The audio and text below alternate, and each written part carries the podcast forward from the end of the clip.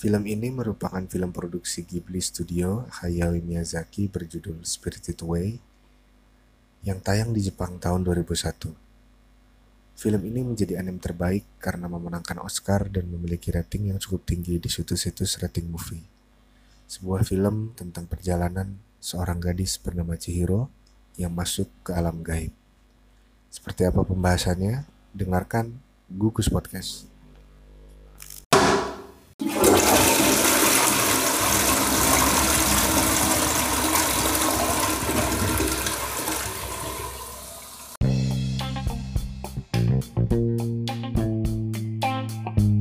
Ya, kembali lagi bersama Gugus Podcast. Tapi Iyo, kali eh. ini bukan Gugus nih yang open, tapi gua Reza. Asik.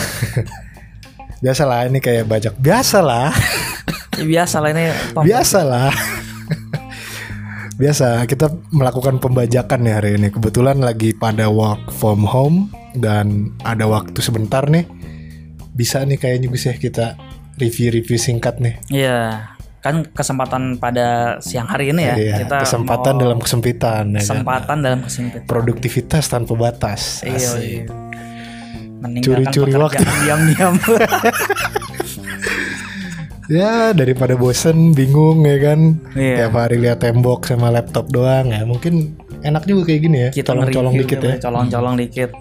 Sambil ya ngopi-ngopi dikit kali. Oke. Ayo, iya. Jadi mau bahas apa nih coy hari ini coy? Eh, kebetulan kan gue juga abis nonton Spirited Away. Sebenarnya udah lama sih Asik. nonton itu sih. Miyazaki nih. Yo, Miyazaki-san. Miyazaki dari Ghibli Studio. Itu emang wajib sih kalau buat orang yang suka anime dan cerita yang deep kalau menurut gua ya. Hmm.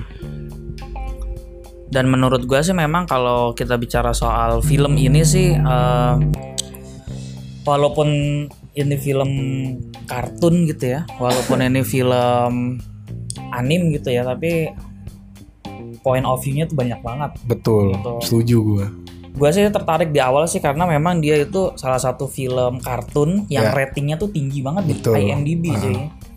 Dan itu sih sebenarnya salah satu film yang akhirnya bikin gua berpikir anjir ternyata anim tuh bisa sedalam ini ceritanya gitu. Yes. Soalnya kan anim anim anim apa anime-anime yang selama ini gue tonton kan yang pop aja gitu yang ada di yang ada di TV lah gitu kayak ya Gundam paling ya kan Naruto gitu. Ya Iya, iya, secara secara cerita dan eksekusi jauh banget gitu gue ngerasa wah anjir beda banget nih gitu. Beda banget sih, memang sih. Feelnya grande banget gitu kan Dan kayak ini kan iya karena memang ini kan Iya. stylenya nih memang pasarnya udah pasar bukan pasar televisi gitu kan Yoi, di zaman yoi. itu kan ini pasarnya pasar layar lebar gitu Iya. kan. Dan memang dimaksudkan untuk layar lebar gitu. betul. Itu yang bagus sih itu. Kalau anim-anim sebelum ini yang lu tahu terus maksudnya sebelum sebelum lu terpapar Ghibli gitu ya. Hmm. anim yang dibikin movie gitu yang yang yang pernah lu tonton apa tuh?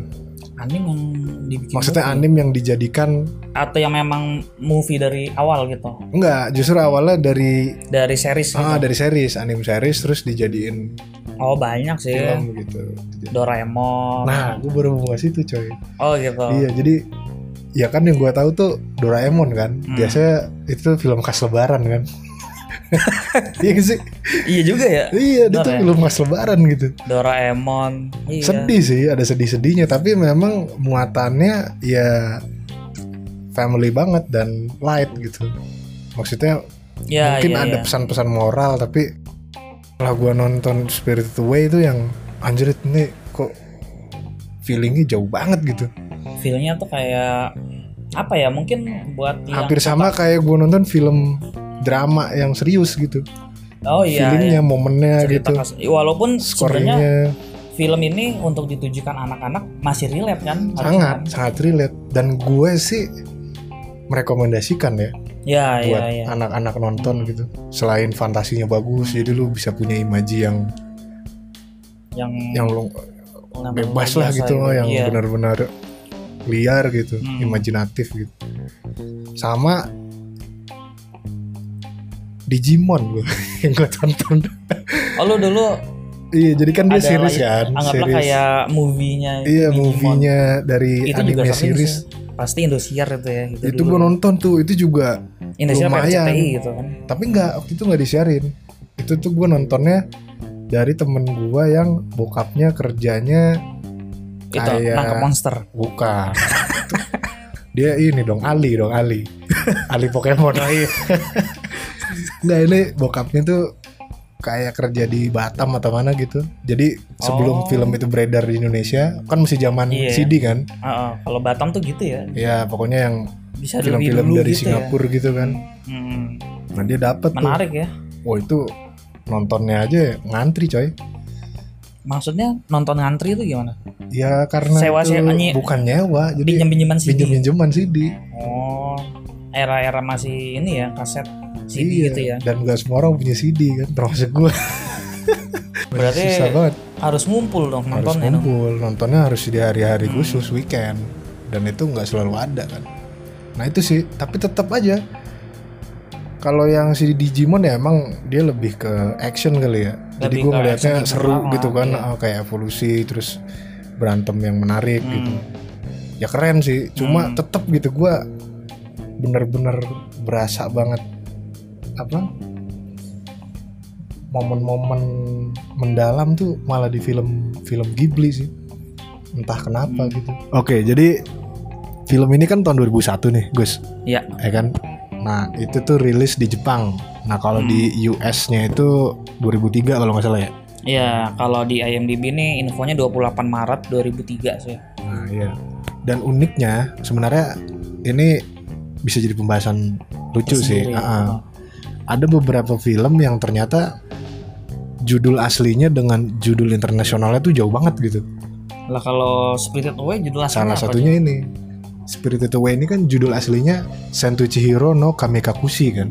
Ah, ah, original titelnya Ah, itu bahasa Sentu Jepang Chihiro itu. ya. Ah. Nggak ngaruh Spirited Away gitu Ah. ya. Yang diangkat justru malah si tokoh utamanya Betul. kan. Itu kenapa ya? Mungkin apa karena pasar Enggak, kali. bukan cuy, tapi film sorry. Film Inggris, maksudnya film Hollywood Ah, ah. yang ketika masuk ke Jepang, judulnya pun kadang malah jadi panjang. Oh gitu ya. Iya, misalkan yang apa tuh yang yang ada manusia-manusia kuning itu SpongeBob. bukan, bukan kalau nah, SpongeBob, nah SpongeBob. Ah, SpongeBob apa? Tapi kalau SpongeBob cuma beda pelafalan aja sih. Jadi di Amerika SpongeBob, di Israel tuh apa ya gitu. Gue lupa namanya kayak Hmm. Hedgehog apa ya gitu. Aneh dan namanya. Hmm. Kalau di kita kan sama aja kan SpongeBob gitu. nggak Sama, ada, sama. berubah. Ini tuh yang ada si Minion, film Minion tuh apa ya? Oh, Despicable Me. Despicable Me. Hmm. Coba lu cari bahasa Inggrisnya deh, apa bahasa Jepangnya deh. Kalau nggak salah tuh jadi beda banget. oh gitu. Pokoknya intinya judulnya pencurian bulan apa gitu. Oh, padahal kan pencurian bulan itu tujuan itunya, tujuan Bukan- dari Despicable Iya itu kayak nggak terlalu sorotan utama kan. Itu Iya. kayak ultimate challenge dia aja gitu Iya, kan. iya. Tapi orang Jepang itu kayaknya perlu deskripsi deh. Ini film Mungkin tentang juga. apa gitu. Iya, ya. Nah makanya yang di sini kan judulnya kan Sentu ah, Chihiro. Chihiro gitu Kamikakushi kan. kan. Hmm. Tapi di US sesimpel Spirited Away udah. Hmm. Kalau Spirited Away kan memang menggambarkan bahwa manusia apa namanya ada seorang anak yang dia itu ke alam spiritnya away kan apa Iya. ke alam roh gaib gitu kan Betul. makanya digambarkan spirited away gitu tapi kalau originalnya kan ya gue nggak tahu kami kakushi itu artinya apa tapi kan Sentu Chihiro itu kan waktu pas dia di alam goibnya itu kan Iya. dia apa namanya eh, dirubah namanya kan sama kayak penyihir gitu Yubaba itu dari Chihiro jadi Iya. Sen gitu betul, kan gitu kan betul. anggaplah itu keja salah satu kejadian yang Iya. ada di film itu Salah kan satu ya salah satu kejadian yang akhirnya dijadikan judul gitu ya. Hmm, Nah menarik sih menurut gue itu. hmm. kalau di Penting lah gitu. Jadi orang tuh kebayang gitu ini film tentang apa gitu kan. hmm, Ketimbang kayak kita di Indonesia gitu. Datang-datang nggak bisa bahasa Inggris gitu kan. Ada film judulnya Spirited Away gitu. Hmm. Apaan sih Spirited Away gitu. Tapi kan kalau lu udah ada Kalau- deskripsi gitu, Hmm. orang langsung kebayang gitu. Oh ini hmm, perjalanan si gugus yang kehilangan rohnya gitu. ya mungkin ya gitu Jadi ya. lebih deskriptif sih. tapi kan kalau kita aku nggak tahu ya tapi gue nggak tahu ya tapi kalau Aku war- aja, aku aja. kalau warga kita kalau dijelasin panjang lebar gitu menjual nggak sih maksudnya Menjual sih kalau malah jadi gua. tertarik nonton nggak sih misalkan tertarik sih kayak kayak misalkan- Marlina kan ada penjelasannya kan. ah emang Marlina maksudnya gimana Marlina doang ya judulnya. Marlina doang sih Masa oh sih? Marlina and the Murder gitu ya Itu bahasa Inggris ya justru ya. itu bahasa Bahasa iya, itu- Indonesianya itu Marlina doang ya. dari film Indonesianya udah Marlina and the Murder empat babak lah gitu Oh, nah ini menarik lagi nih. Gitu. Ah, tapi ini jadi melebar sih. Maksud gua kalau Indonesia ketika Inggris malah jadi keren. oh iya iya iya iya. Tapi kalau orang Jepang, dalam empat babak ya kalau orang Jepang, lo harus deskriptif, lo harus ngejelasin Ya, ini film tentang gitu apa ya. gitu.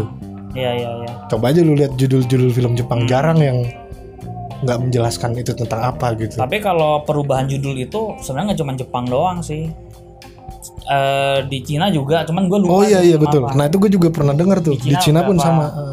Jadi gue kalau nggak salah terpapar permasalahan ini tuh ada vlogger gitu, vlogger, Hmm, vlogger Indonesia dia kuliah di mana gitu, dia nanya tuh ke temen-temennya, hmm. lo tahu film ini nggak? Ah film apa gitu? Pas dijelasin pakai bahasa dia tuh panjang gitu. Terus dibilang ini bahasa Inggrisnya gini doang tahu gitu. Hmm, Kalau nggak salah ya, orang Cina gua. sendiri taunya beda lah gitu. Iya, ya. jadi tuh ada orang Cina, orang Korea, sama orang Jepang kalau nggak salah Terus gitu. ada beberapa film gitu di Timur Tengah, misalkan covernya itu agak terbuka cuy. Untuk menjual di Timur Tengah itu covernya diganti lebih lebih sopan, lah gitu. DDI gitu ya. Kenapa? DDI, DDI, entah digital DDI, imaging gitu. entah DDI, entah foto ulang khusus untuk penjualan di negara sana. Ya walaupun Nanti ujung-ujungnya kebuka juga gitu kan. Apa disensor? Nggak, nah itu nggak tahu deh. Ya gitulah pokoknya. Ya kayak gitulah. Nah, Sebenarnya ini pembahasan menarik sih cuy. Cuma kita kan pengen ngebahas Spirited Spirited, Away. Nih. Oh. Spirited Away juga karena menarik Spirited banget. Away sendiri juga, juga sudah sangat menarik. Nah itu dia. nonton lagi Jangan aja. sampai kita melebar terlalu jauh nih. Iya. Gue nonton Spirited Away aja, gue langsung kasih skor. Mungkin kalau boleh 10 per 10, 10 per 10. Oh enggak dong. GRR kan sampai 5 Oh, iya, iya. Empat setengah. Empat setengah. Iya. Oke, oke. GRR kemarin kita kasih skor berapa ya? Empat setengah. 4,5 ya. Emang itu kalau gua tuh ya. ya itu ham- perfect sih kalau buat gua ya. Hmm. Untuk film animasi dan ya konten ceritanya gitu dahsyat sih. Hmm. Nah, Ya. lu sendiri kenapa akhirnya memutuskan nonton Spirited Away cuy? Karena awalnya Apakah sih karena nama besar gitu ada Iya sebenarnya kan memang eh, sosok si Miyazaki ini Hayao Miyazaki ini kan memang sutradara Ghibli yang udah senior gitu kan tuh dan salah satu pencapaian terbesar dia gitu katanya tuh film ke-8 kalau nggak salah ya gue belum baca lagi tuh Hmm. pencapaiannya itu kayak langsung membumbung tinggi di Spirited Away dan menjadi masterpiece terkerennya Oh dia benar. iya. gitu. Bahkan dia menang Oscar kalau nggak salah ya. bahkan dia menang Oscar di tahun Dan itu anim 2003. pertama menang Oscar bukan sih? Gue lupa deh. nah itu gue juga lupa sih tapi Kayaknya iya deh. Belum belum ada animasi hmm, gitu ya yang memenangkan Oscar, Oscar sebelumnya. Eh, selanjutnya kan ada si Your Name itu kan tahun 2016 Ya, ya. si eh, Shinkai gitu Ya. yang mana gue ngefans juga sama Shinkai sih nah terus eh, kebetulan gue lagi buka Netflix tuh Hmm. gue lagi buka Netflix Spirited Away paling atas cuy. Oh, lu justru di Netflix. di Netflix. Oke. Spirited Away paling atas ya udah gua klik aja gitu. Karena wah ini filmnya si Miyazaki nih film terbaiknya dia gitu. Iya. gua tonton lagi karena gua udah agak lupa. Karena nonton film itu kan ya mungkin zaman zaman gua kuliah kali ya waktu itu gue Iya, juga lupa iya. sih gitu. Gua sendiri juga udah lupa tuh pas kapan gitu. Dan setelah gue nonton lagi gua terpana sih ter- terkait filmnya itu gitu Nah, ini sebelum jauh nih, hmm. kita ambil singkatnya aja deh, sinopsisnya deh. Sinopsisnya gimana sih? sinopsisnya Nah, sinopsis Spirited Away. Nah, jadi ada gadis gitu ya, ada gadis bernama Chihiro Ogino. Itu diperankan oleh Rumi Hiragi gitu ya. Yang kemudian dia itu istilahnya mau pindahan lah dari kota satu ke kota yang lain gitu yang rumah yang gitu mungkin kan. yang lebih desa gitu ya Hmm. sama orang tuanya naik mobil yang mewah gitu dan memang orang tuanya orang tua yang Lumayan Kaya berada gitu gitu, lah, ya. yang Enggak kaya sih, gitu. berada kali ya. berada lah gitu. kayak ya apa namanya kemudian rumahnya rumahnya udah dekat sih sebenarnya gitu cuman dia mengambil jalan pintas ternyata jalan pintas itu malah nggak ke rumahnya malah dia kayak ketemu semacam entah Lorong, mirip kan? lorong Iya. kayak stasiun gitu ya Iya, betul. mungkin kayak lorong Dan di situ sebenarnya kelihatan banget tuh. Tadi yang lu bilang kan dia Hmm. si Chihiro ini anak yang dari ya kota gitu, mungkin Hmm. agak manja juga bocahnya kan. anak ma- iya Oh, manja juga gitu. agak-agak manja gitu dan Hmm. ini akhirnya harus pindah ke satu tempat yang jauh berbeda dengan Iya. lingkungan dia sebelumnya bete pasti kan cuy bete tapi Dan- yang menarik BT-nya itu bukan karena kemudahan teknologi BT-nya tuh jauh dari sahabat-sahabatnya betul gitu salah Maksudnya satunya itu kebetean anak kecil iya tuh betul masih polos gimana ya gitu Polos. ya nah bukan itu kerennya salah satu hal keren yang gue dapat dari anime ini gitu ya Hmm. Bagaimana- itu menit, pertama Ah, loh, ada loh. menit pertama aja dia udah mengcapture bisa kegelisahan bocah. Hmm. dengan begitu polos dan lugu gitu padahal Hmm. animasi cuy tapi emang gue pernah dengar ya Iya, tapi gue pernah dengar juga nih dari salah satu temen gue, asik, komikus kawakan. oh, iya. yang namanya Dito kan Yoi. kenal ya Dia tuh pernah bilang si Hayao Miyazaki ini benar-benar detail untuk Hmm. urusan gestur dan ekspresi. dan mimik wajah gitu ya Jadi pernah tuh ada satu scene yang mau ngeliatin gimana sih anak kecil duduk jongkok gitu. Oh ya Jadi ya, dia bikin ya, ya. sketch sampai ratusan lembar gitu kalau nggak salah. Cuma Hmm. buat dapetin pose itu aja, Hmm. pose natural yang Hmm. lucu, mengcapture-nya bagus gitu. Sampai sejauh itu sih. Makanya emang ya lu tahu sendiri lah hasilnya begini. Iya dan memang bagus sih. Yang kerennya lagi bagaimana dia menggambarkan si anak kecil yang manja itu tapi dia nge-sketchnya itu bukan gadis manis, bukan gadis cantik gitu ya. Gadis kalau kita ngelihat kita ngelihat mukanya di cover aja ya itu udah kayak waduh ini muka-muka anak manja tapi nggak mesti cantik jelita gitu gitu. Iya, iya, iya. iya. Tapi tapi juga nggak jelek gitu maksudnya nggak nggak Ya, nggak ngasal gitu sketsnya tuh nggak ngasal gitu itu yang jadi menarik sih bagaimana dia menggambarkan sebuah tokoh tuh nggak nggak selalu harus digambarkan kayak cantik jelita gitu atau nggak ganteng rupawan gitu tapi ya tepat aja gitu punya satu Iya, iya. spektrum yang berbeda gitu loh tapi baru baru sampai lorong sih tadi sih Itu dia cuy. Gua karena saking banyaknya hal yang bisa dibahas di film ini, distraksinya banyak cuy. nah itu dia tuh Nah kita balik lagi kali ya ke lorong nih. Be- ke lorong Nah, ini udah sampai mana nih? Lorongnya udah di tengah apa udah lorong ya udah terus habis itu jalan kan bapaknya penasaran kan "Eh, Ya. ada apa sih nih kok di situ ada lorong ya udah pas masuk lorong keluar ternyata ada eh, Hamparan kayak hamparan rumput rumput, gitu gitu, ya. kan Oh. tapi ada patung-patung yang unik Aneh gitu, gitu kan yang ya. aneh gitu itu gue kebayang sih dia dapet referensi di mana. Maksudnya Nah. ngebayangin gitu. iya iya Apakah di Easter Island gitu? Tahu kan Easter Island yang iya ada patung-patung kepala gitu hmm iya iya iya tahu di tahu, tahu. hamparan.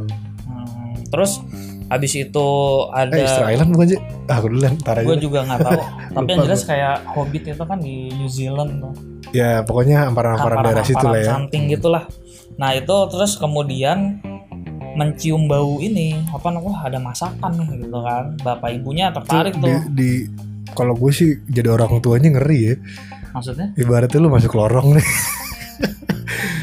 masuk lorong, lorong aneh kan. Oh. Set, atau keluar-keluar di rumput luas ya kan.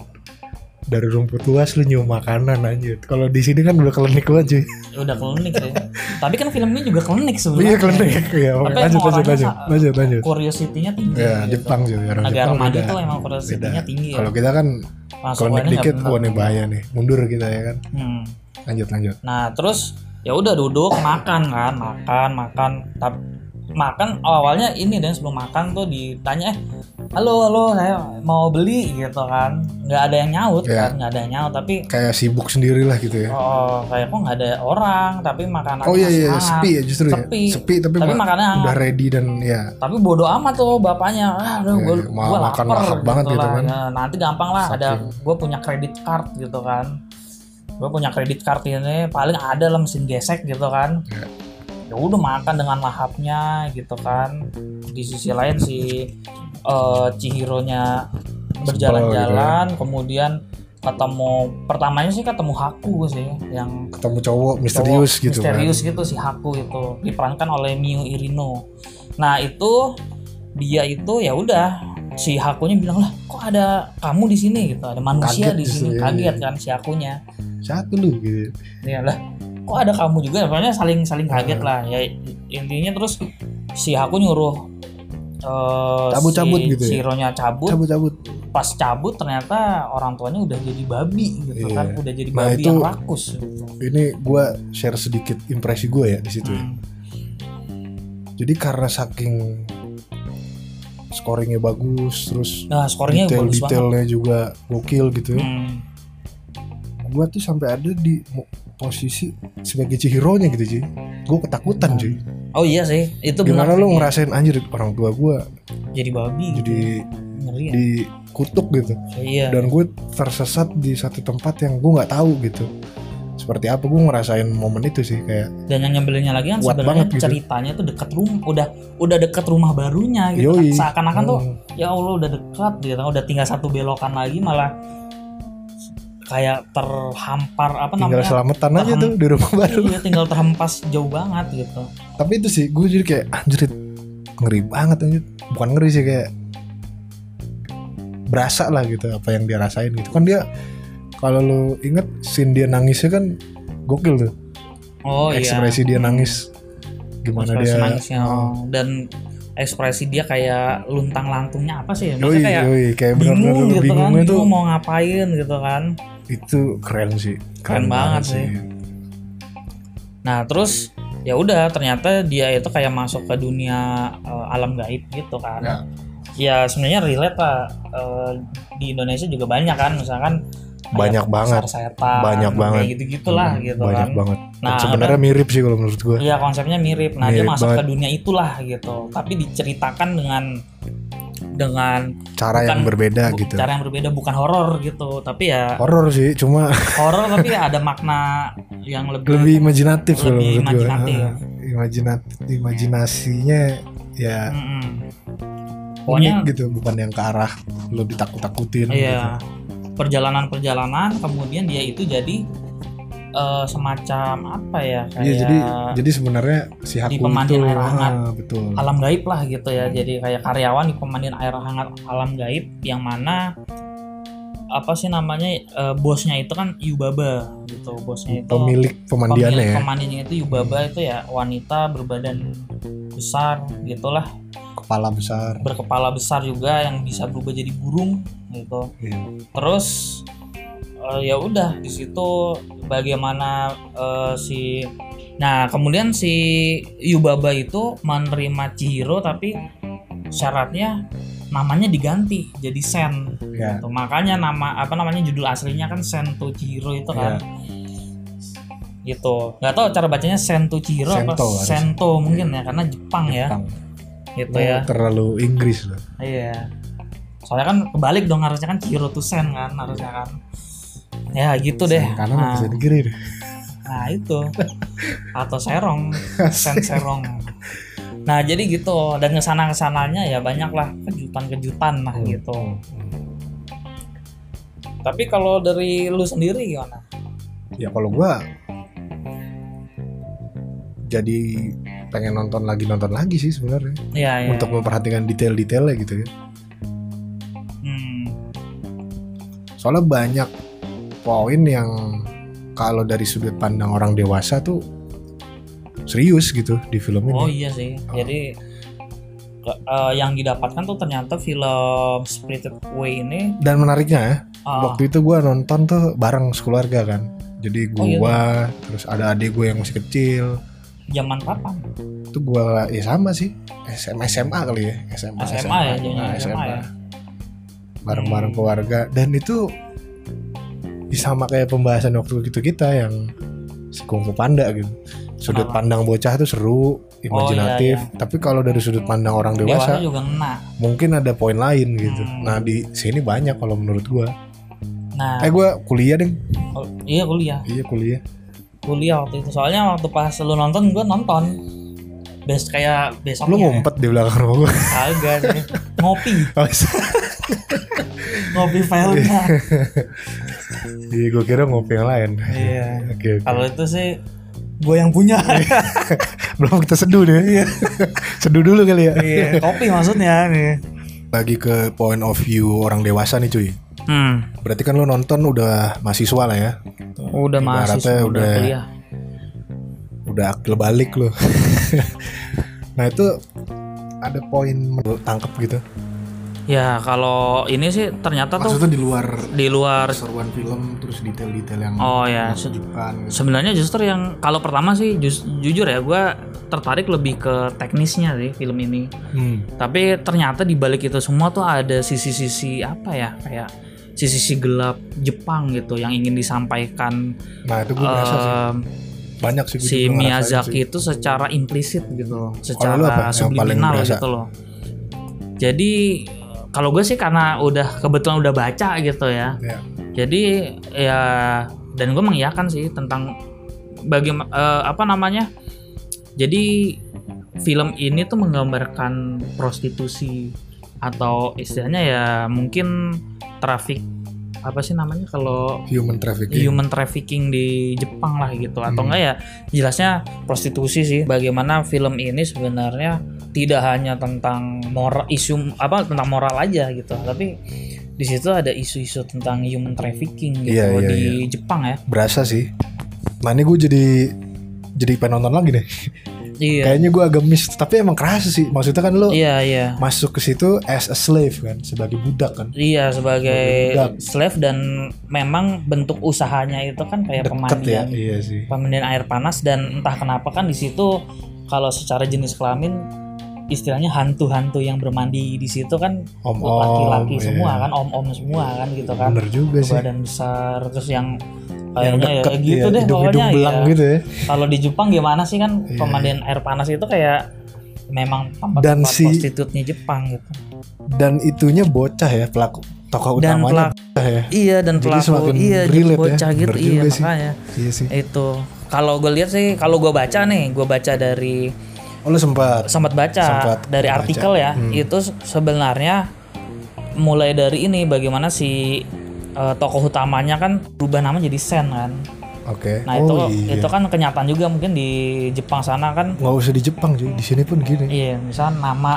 nama Lu pasti aslinya di- punya iya punya kode, misalkan na- nama lo nama panggung lah. diganti jadi Angel gitu kan ya Pernah kayak gitu kan Hah? Ya kagak lah gila lo Ya kan gua memancing ya curiosity as a human being ya kan. Padahal lu tahu gua padahal kurang ajar memang ya. Kayak gitu kan. Terus eh Tapi cuy, oh, selain itu ya kalau kalau gue nih, oh, oh.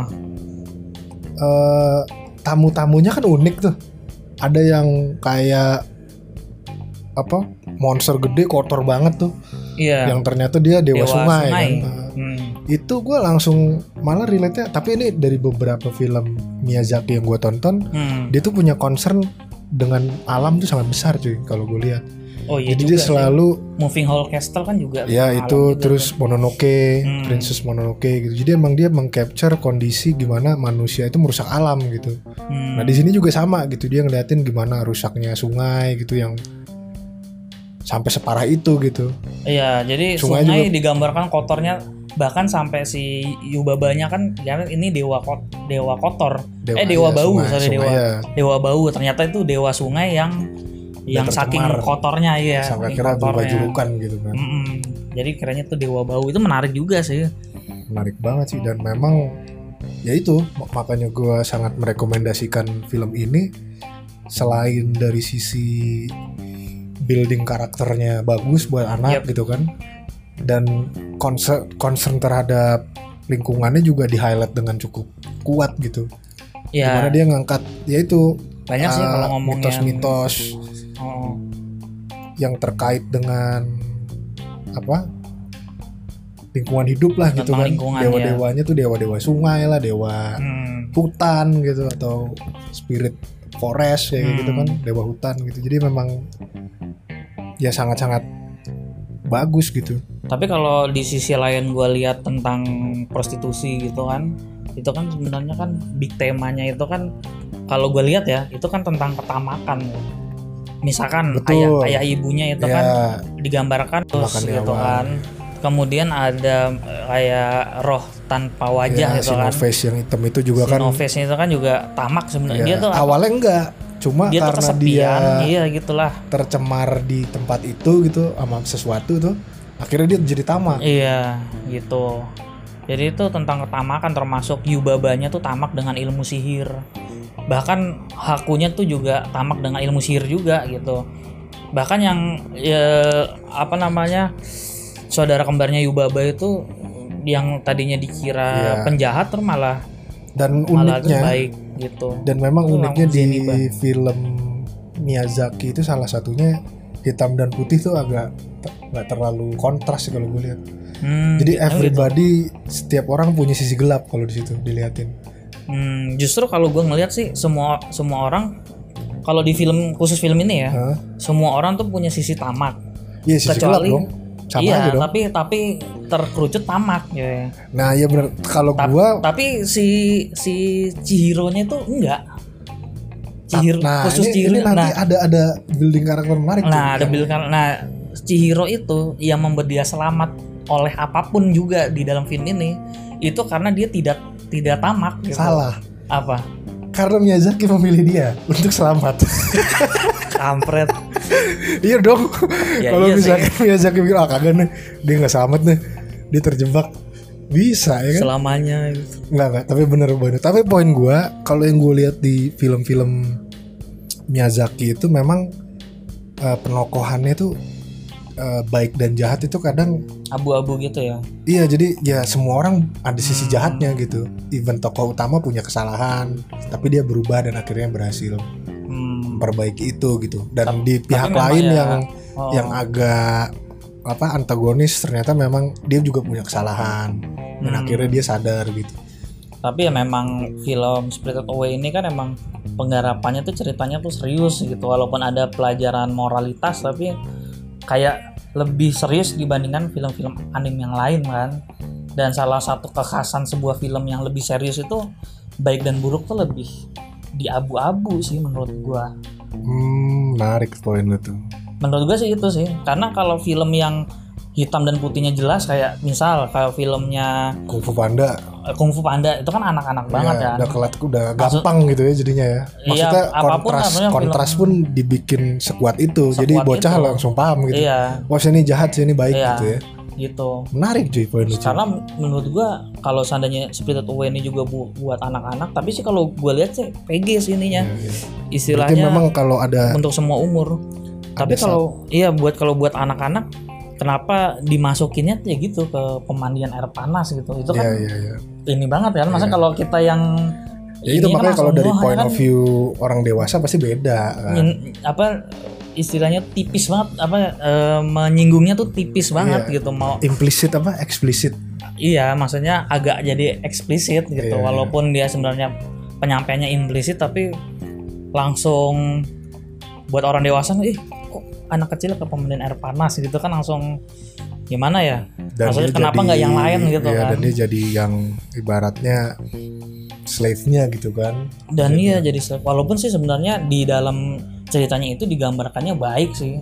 Sosok sosoknya si Sen itu kemudian jadi sosok yang inspiratif lah untuk semua karyawan di sana Iya. gitu.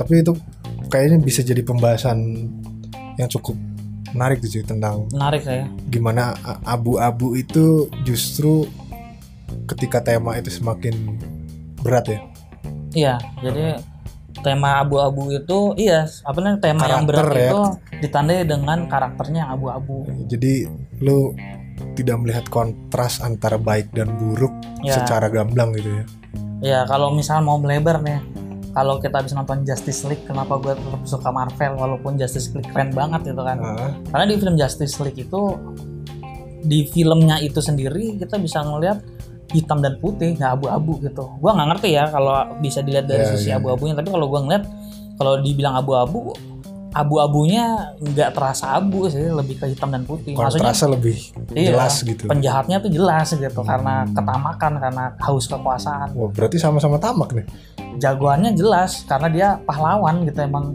benar-benar berjiwa suci pahlawan iya yang menjaga bumi ngebahas gitu. tamak jadi sama nih Spirited Way tadi lu bilang tamak. Iya. Justice League tamak. Ya memang tamak. Dan tamak lu dan dendam suka abu-abu kan? Jadi Apa? intinya lu lebih suka yang abu-abu ketimbang kontras yang kuat gitu. Ya maksud gua kan kalau abu-abu itu kan lebih brainstorming aja sih. Ya nggak sih? Iya sih. makanya baju lu abu ya? Kenapa nyambungnya ke sini? Iya, itu. Baju lu hitam. Berarti lu lebih suka film anak-anak gitu. Iya gue emang kekanak-kanakan Tele. trap gue trap. Jadi jiwa anak-anak yang terjebak di terfiksasi oh, iya. badan bapak-bapak gitu dan badan bapak-bapak Oke, jadi itu ya. Ada ternyata ada banyak sisi lain dari film ini yang kalau dari sudut pandang orang dewasa tuh dalam gitu. Sentilannya juga kuat gitu kan. Ternyata kuat kayak banget human trafficking, terus Hmm. prostitusi anak gitu kan. Hmm. Oke. Terus kalau itu kan sebenarnya banyak nih, masih banyak banget. Cuma kalau kita banget. bahas semuanya kayaknya bisa sampai puasa nih.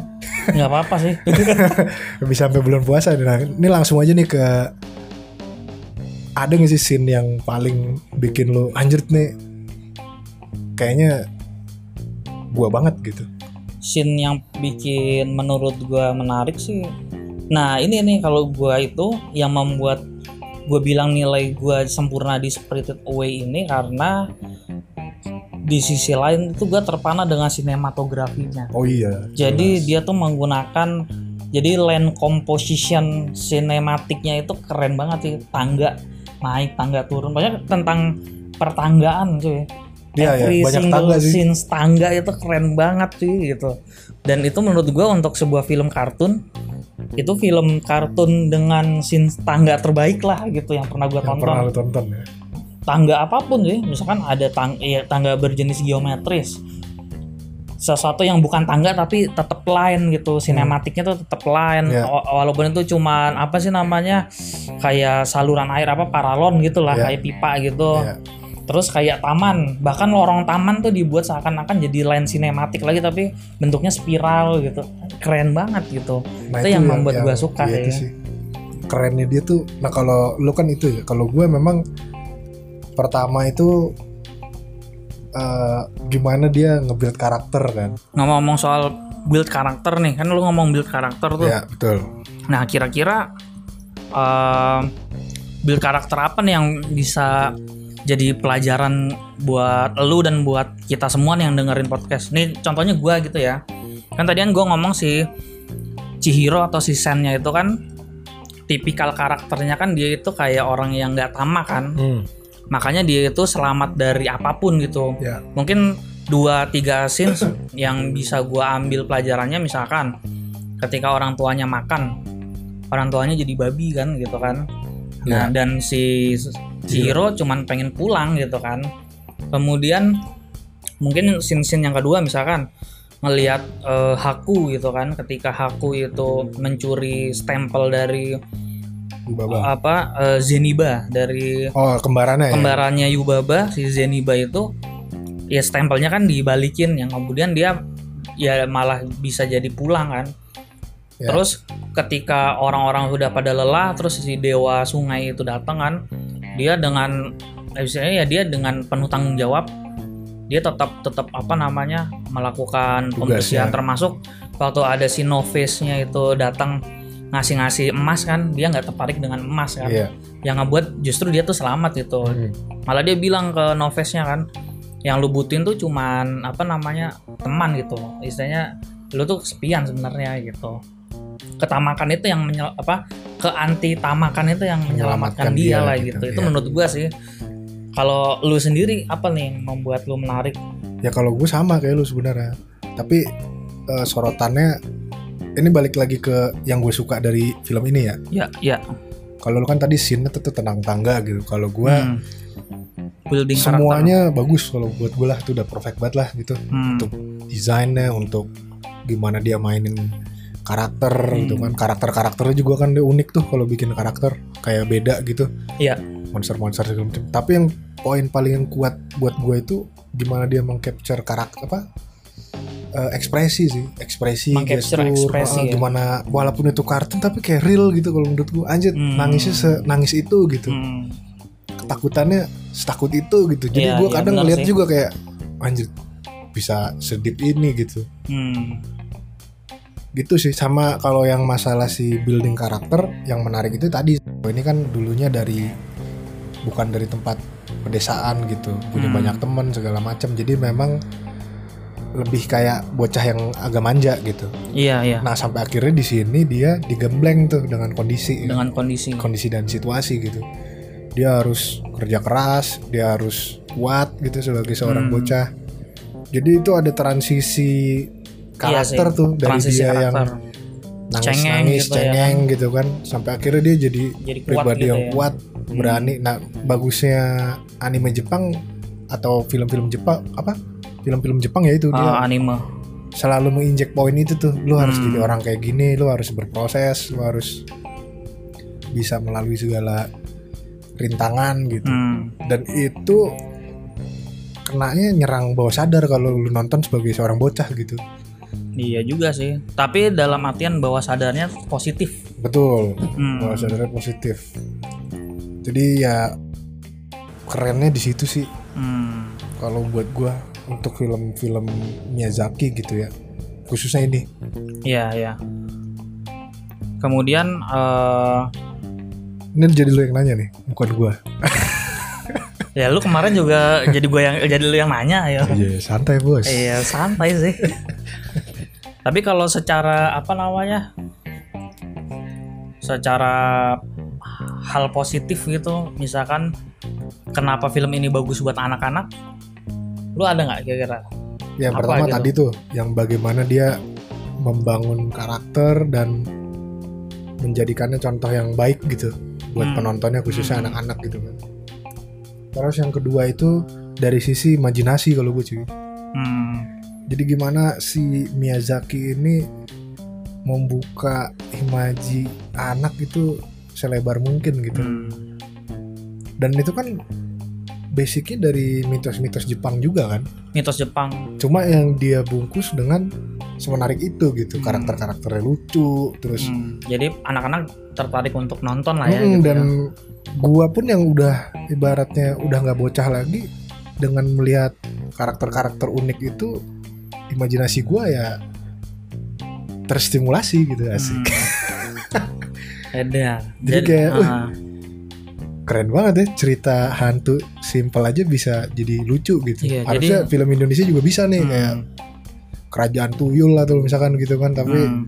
dibungkus dengan cerita yang Iya, jadi sekompleks dan se-epic ini gitu pasti bakal ya Hmm. keren aja gitu gue nggak ngelihat serem tapi malah bisa menginjek nilai-nilai positif gitu iya iya. soalnya kan ya jeleknya bukan jeleknya sih umumnya kalau di sini kan ya cerita hantu ya udah hantu gitu Hantu. lu nggak bisa memetik nilai Hmm. positif gitu mungkin ada beberapa gitu kayak yang azab gitu kan Iya iya. lu dulunya gini akhirnya lu jadi hantu kayak gitu gitu tapi Hmm. kalau di film ini kan di luar itu gitu Hmm, lu nggak hanya membahas tentang hantu tapi ada sisi lain yang bisa lu injek secara Hmm. positif gitu nilai-nilai yang bagus gitu jadi dia memanfaatkan eh, bahan-bahan yang ada lah gitu bahan-bahan Hmm. lokal gitu yang cerita-cerita lokal tapi dikemas semenarik mungkin seimajinatif mungkin sehingga ya itu identitas Jepangnya dapat gitu hmm.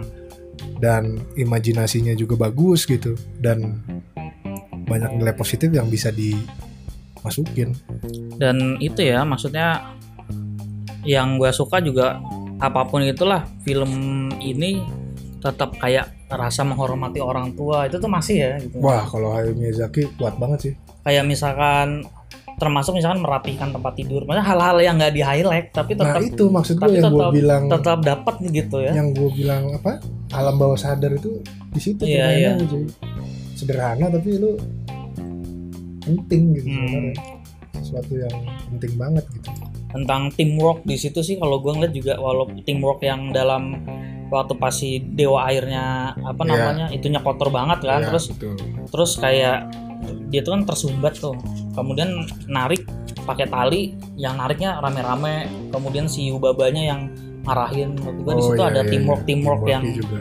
walaupun itu nggak terlalu di apa bukan yang di highlight Betul. utama tapi betul tetap aja bagus gitu ya Bagus kita banget. ngeliatin teamwork yang kemudian pas udah selesai selesai apa namanya berhasil terus si Yubabanya tuh ngomong gitu "Eh, semuanya apa namanya belajarlah dari si Sen ini gitu Ya. si Chihiro ini gitu Ya. menurut gua keren gitu bagaimana seorang pemimpin walaupun di poin Ya. ini sebenarnya Yubaba punya itu banyak. kan dia kan satu sisi kita ngeliatnya dia jahat gitu kan. Di satu sisi kita ngeliat Nah, jahat makanya itu tapi yang tadi gue bilang kerennya. sebagai leadership bagus gitu. Iya Miyazaki itu dia semua karakter tuh punya sisi gelap sebenarnya. Hmm. tapi di sisi lain dia positif dan baik. Hmm, dan tadi sebenarnya kembali ke poin lu masalah teamwork segala macem. Hmm, menurut gue pentingnya film-film anak-anak dengan muatan kayak gini gitu ya nilai-nilai positif yaitu menyerang bawah sadar sih. Ya. Itulah kenapa orang-orang Jepang itu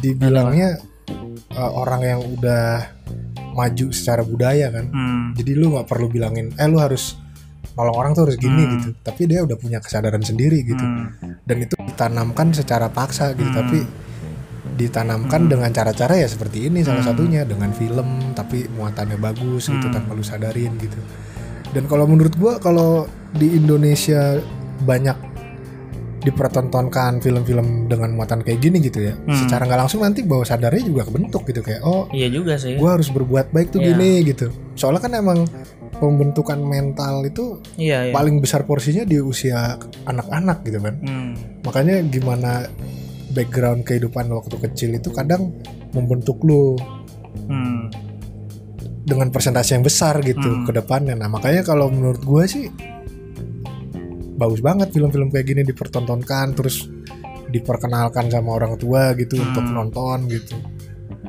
iya bagusnya itu ya jadi ada berapa tapi poin-poin. Naruto bagus sih itu juga sebenarnya semua film Jepang Iya anim-anim film semua Jepang film tuh Jepang tuh pasti dia- punya nilai punya positif filosofis Nah, buat anak-anak gitu loh. Bahkan kemarin itu gue nggak nggak sengaja nonton YouTube eh, nama channelnya satu persen dong. wah nggak tahu gua Jadi itu eh, channel yang ngebahas tentang psikologi psikologi gitu dah. hmm, Nah, jadi nge, nge- ngembangin diri lu lah pengembangan Hmm. diri gitu. Dia bahkan ngasih referensi anim cuy. kenapa Ngasih referensinya, Referensinya anim. anim. Hmm. Salah satu anim yang dia highlight itu Paman Ini Iroh. Hah? Paman Iroh. Apa? Paman Iroh. Jadi pamannya Zuko. nggak tahu gak Zuko nggak tahu loh. Dia pangeran negara api cuy yang kabur. Oh, pamannya Zuko ya Pamannya tahu Zuko. gak yang punya kekuatan Iya, api gede itu, banget itu. iya. Oh, si Jenderal Legend itu. Iya, iya, iya. Tapi dia bukan film Jepang ya. Dia dari Amerika ya. Tapi hitungannya kan kayaknya Jepang ya, enggak juga ya? oh itu Lalu gimana sih? Ya gitu dah. Intinya penting sih Hmm. kartun sebenarnya kalau menurut gua. Asal muatannya positif dan Hmm, punya nilai-nilai yang bagus gitu buat eh ya itu perkembangan bawah sadar Hmm. anak tapi ke arah yang positif gitu. hmm. Terus eh apa lagi nih? Eh kalau dari sinematiknya, kalau gue lihat yang keren itu nggak cuman dari visualnya juga, ininya keren banget ya apa? Soundnya ya, apa kayak Yo, eh. scoringnya Itu kok apalagi scoring lagu tuh- yang di ending itu Waduh kacau sih. Kalau kalau ngomongin scoring Ghibli udah deh hmm. kelar sih. Soalnya itu ada satu di YouTube dia bikin playlist soundtrack soundtrack Ghibli cuy. Hmm. Itu enak banget sih buat kerja sih. Hmm. oh iya ya bener gue Iya. juga pakai buat training sih Iya itu kan. iya bener juga ya Iya maksudnya, maksudnya ya paket bagus banget ya maksudnya aja mewah banget ya. Mm-mm. kayak nonton orkestra gitu-gitu ya pokoknya bagus lah pokoknya. Terus tadi kan gue udah ngomong basins gue tuh. Basins lu tuh apa tadi? Kalau yang tadi Kalau kan ya. poin-poin yang positif kalau basinsnya lu apa? Kalau gua salah satu yang membuat sebuah film itu sangat bagus ketika gua nggak tahu basinnya mana sih.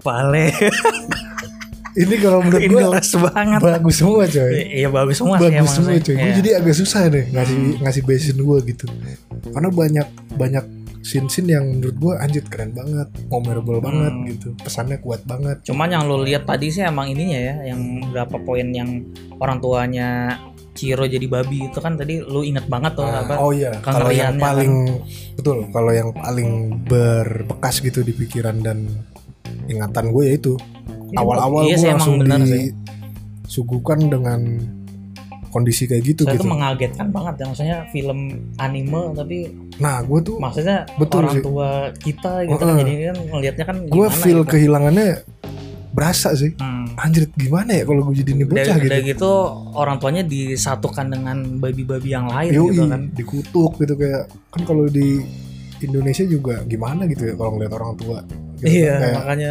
deket deket lah gitu dengan budaya kita gitu. Analoginya tuh sampai maksudnya sengeri itu. Yoi. kalau itu kalau anime itu sebuah analogi dari kehidupan nyata kan.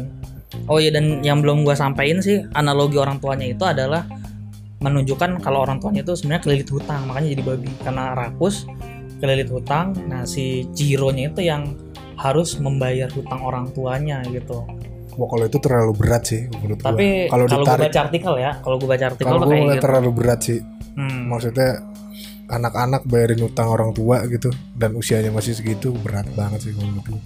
tapi kalau lu kaitin ke masalah ketamakan manusia gitu Hmm. dengan kehidupannya dengan alam gitu itu sangat berasa banget Oh, tapi kalau untuk yang poin yang gue barusan ngomong tuh nggak nggak ini ya, kalau gue nggak terlalu nggak berasa ya. terlalu berasa ya. kayak agak jauh sih gue ngeliatnya Hmm. Oke, eh, mungkin apalagi ya yang belum dibahas ya, mungkin fakta-fakta menarik sih.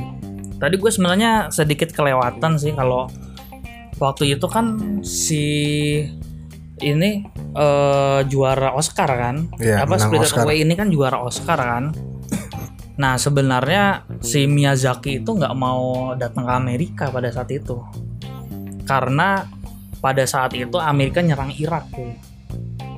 oh iya momennya bareng ya momennya bareng gitu saat Amerika nyerang Irak untuk itu dia maksudnya dengan dengan aksi tidak mendukung Amerika itu dia nggak mau Nggak ngambil ya? nggak nggak mau hadir di Oscar itu dan yang gua baru baca yang gua salah nih gua baca lagi nih ternyata si sutradaranya Your Name tuh eh, Makoto Shinkai Iya, itu Shinkai. Dia malah berdoa untuk supaya film saya nggak masuk Oscar gitu apalah film saya cuman film jelek gitu saya berdoa untuk nggak masuk Oscar kalaupun masuk Oscar berapa menang. hari berapa penayangan mohon jangan tonton film saya dan dia bersyukur kalau filmnya nggak masuk Oscar nah itu gua nggak nggak ngerti sih kenapa ada sentimen itu ya ya gitu karena dua sutradara besar banget nih di dunia tapi yang dari Jepang gitu kan dan Ah. menunjukkan film budaya Jepang kan. Malah nggak mau masuk Oscar gitu. Itu sih itu yang maksudnya kita gue gue sih masih pertanyaan. Terus kalau fakta-fakta menarik lainnya itu ini ternyata film ini awalnya jadi saat film pre-production kan harusnya bikin storyboard segala macem. Iya. itu sebenarnya si Miyazaki ini belum tahu nih arahnya mau ke mana. Inspiringnya tuh waktu pas dia bikin storyboard gitu. Oh, jadi, jadi kayak spontanitas, spontanitas aja gitu. Itu yang menarik juga sih. Dan Noves kemunculan Noves itu ada gamelan Bali. Gitu ya. Oh iya iya iya. nah itu tuh. Iya, iya. jadi ada Indonesia. Di situ ada Instrumen- Indone- instrumen instrumen Indonesia. Indonesia, tuh. ada gamelan Bali di situ. Itu menarik banget sih. Gitu. Dan ya masih banyak lagi ya. Termasuk ketika makan apa namanya orang tuanya makan gitu kan itu si artisnya itu emang bener-bener makan jadi dia ngomong enak sekali tapi yang bener-bener sambil makan gitu biar mungkin nangkap kesan naturalnya kali ya Betul. Emang dia sedetail itu sih. Hmm, Kalau mau ngambil gestur atau ya Hmm. ekspresi karakter tuh benar-benar hmm. gila lah gitu. Hmm. Beberapa kali take, beberapa kali sketch gitu. Sampai benar-benar oh ini ini kayaknya yang mendekati gitu. Hmm, dan Chihiro itu juga sebenarnya digambarkan sebagai anggaplah kayak uang karena Chihiro terus jadi sen gitu itu tuh kayak menggambarkan uang gitu tentang kalau Kan misalkan jadi jauh juga. ya. Makanya Iya. tadi lu bilang apa buat melunasi itu orang Utang, tuanya iya. jadi makin deket ya. jadi ma- jadi makin dekat karena Chihiro tuh mungkin di Jepang itu ada plesetan tentang ya misalkan harganya dia tuh segini gitu Oh berapa sen gitu. makanya kenapa jadi sen itu gitu ya Oh, seperti itu, sih terkait kalau gitu ya. menurut gua keterkaitannya kalau begitu film-film sih film-film bagus dan temanya kuat itu biasanya konspirasinya cuy. ya dan teori-teori konspirasi Iya, gitu ya Semakin film itu kompleks dan kuat secara story, Hmm, kayaknya itu. nggak nggak nggak gitu doang nggak nggak ya udah gitu hmm, pasti Nggak akan hiburan, banyak tapi banyak hal lain gitu ya gitu. menarik sih dan ya film ini kalau bagi gue ya gitu walau walaupun kita bisa ngambil sisi darknya dari dari uh, film ini tapi sisi anak-anaknya juga bisa diambilnya kuat gitu tentang Iya. tadi tentang apa sih makanya tidak tamak terus tentang kerjasama Banyak banget lah gitu-gitu kalau lah. menurut gua. tentang sopan banyak. santun gitu kan juga ada tentang baik sama orang lain gitu Asli gua setelah kita ngobrol ini gue jadi pengen nonton lagi sih.